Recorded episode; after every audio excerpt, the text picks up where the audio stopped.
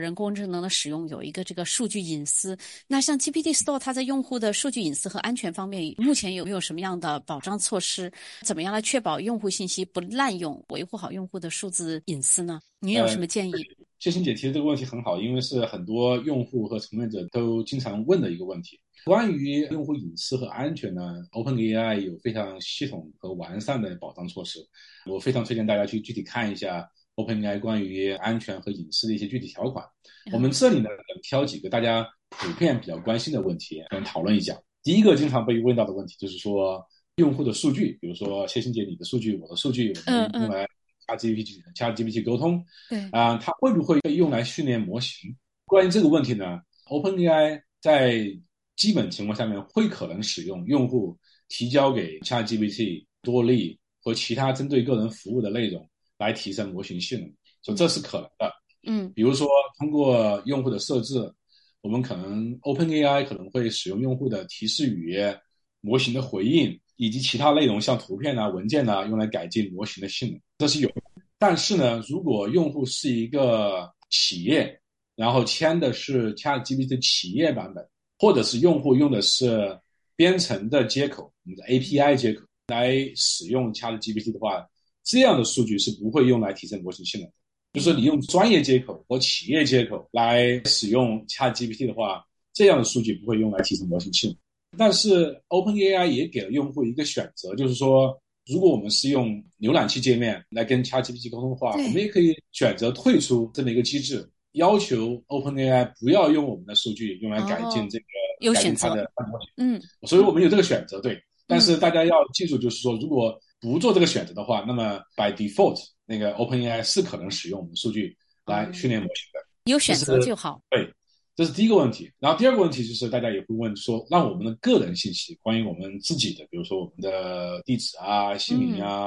出生年月日啊等等等等，会不会用来被训练模型？这就比较明白了，就是说，OpenAI 不会用任何个人信息在训练数据中建立关于某个人的资料库，然后用这些资料库来更改模型、训练模型或者做广告啊、推销啊这样的，这样是不会的。这就是一个比较普遍的一个行业的一个标准，不能用这种重组的个人信息来进行商业活动。同时呢，OpenAI 在训练模型的时候呢，也采取了特别的措施来减少对个人信息的处理。比如说，他们会移除汇集了大量个人信息的网站，就这种网站呢，他们不会去使用或者是采集他们的数据，这样呢，避免更大的程度上避免对个人信息的处理和汇总。这是关于个人信息的这个情况。嗯，最后说一下关于企业的数据，因为我们之前谈的都是个人的。对对。如果是个企业在使用 ChatGPT 和 GPT Store 呢，首先就是说 OpenAI 不会在企业数据上进行训练，同时呢，这个企业是完全拥有。这个企业的输入，比如说这个企业在跟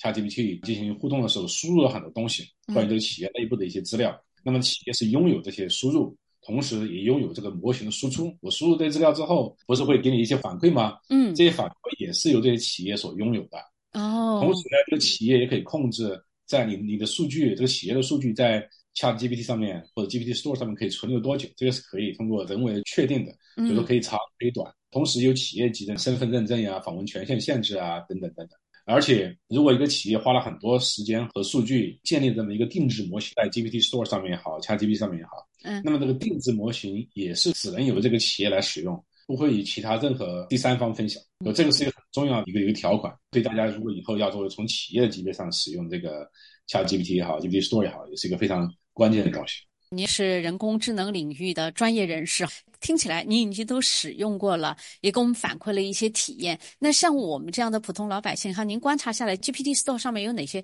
非常独特的产品和服务？比如说一些最新的智能设备啊、创新应用，你可能没有使用过，但是已经留意到了。有没有什么样的内容已经吸引到您这样的专业人士？我确实开始尝试使用 GPT Store 上一些新的应用，就是 GPT Store 对应用进行分类。比如说有基于图像生成的，有专门用来写作的，有专门用来提高工作效率的，有进行研究分析的、编程的、教育的和生活的，这些都有它相应的分类。然后分类下面有很多在不断增长的应用。那么今天只能说一两个我有个人体验的这么一个例子。第一个，因为我是从学术背景，那么我就特别喜欢学术搜索。在 GPT Store 上面有一个软件叫啊 consensus 跟学术期刊的发布商。他们签订了一些合约，可以用过往的数以百万计的，甚至数以亿计的学术期刊，把他们作为一个大数据的基础，用这个数据去训练了一个特别的 ChatGPT 模型。这个 ChatGPT 模型呢，你可以去问，比如说我有一个学术的一个观点，我想去查找一些相关资料，比如说我也不知道，我是第一次使用生成式人工智能，嗯，然后生成式人工智能下面有个特别的算法叫 Transformer，然后我想知道什么是 Transformer，然后有哪些。特别相关的学术期刊，只要输入一个说我想查找一下关于 transformer 的学术期刊，请给我提供相应的建议。而且你可以输入中文，可以输入英文，其他语言都可以，它会根据你的语言直接生成相应的语言的解释。哦，然后你输入之后，它就会提根据它自己这种数以亿计的学术期刊的大数据数据库，就会提供你一些大概八九个、十个左右的一些推荐，说你想知道 transformer 是什么。嗯，那么我们就说这些期刊文章特别相关，然后每一个期刊文章它就可以给你做一个很简单的概述，同时提供这个期刊文章连接。嗯，然后你把这个连接点击之后呢，你可以去查找这个期刊文章本身自己。在大部分情况下面，这个期刊文章应该是就直接已经付费了，就可以看了。嗯，但也有少数情况下，你可能需要要额外的付一些费用才能看这个期刊文章。嗯嗯，但是呢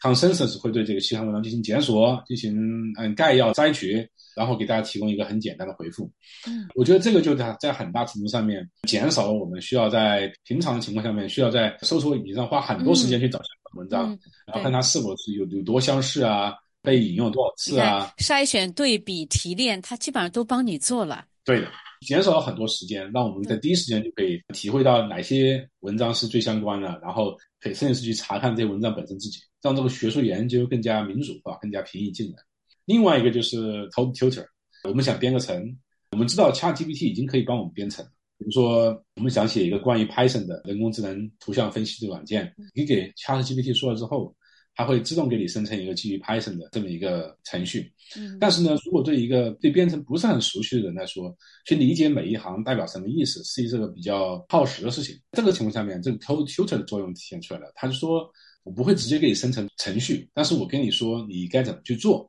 根据你想生成什么样的程序，我告诉你你需要采取哪些步骤，有哪些最好的那个方法论去实现这个，让你自己去实现最后的这个编写，就像一个导师一样，第一步该做什么，第二步该做什么，然后有哪些非常重要的东西需要你去考虑，不仅仅最后实现这个编程，而且通过几次互动之后，对用户的编程能力也得到了显著提升。我认为这是一个非常好的地方，欢迎大家多去体验，然后。我们从业者都认为，从现在开始是一个有生成式人工智能，像 GPT、GPT 也好，它逐渐转化成商业应用的一个关键的一年。更多的用户体验和反馈，对这个业界能够促进自己的发展，也是一个非常有用的东西。所以说，欢迎大家去使用，然后提供更多的回复和反馈。谢谢今天蔡晨的时间哈，我们希望你今天给我们的这么详尽的解答，能帮助到我们的更多的对人工智能都非常感兴趣的朋友。我们也相信科技，我们也希望能够帮助我们不断的学习、不断的进步。非常感谢你的时间。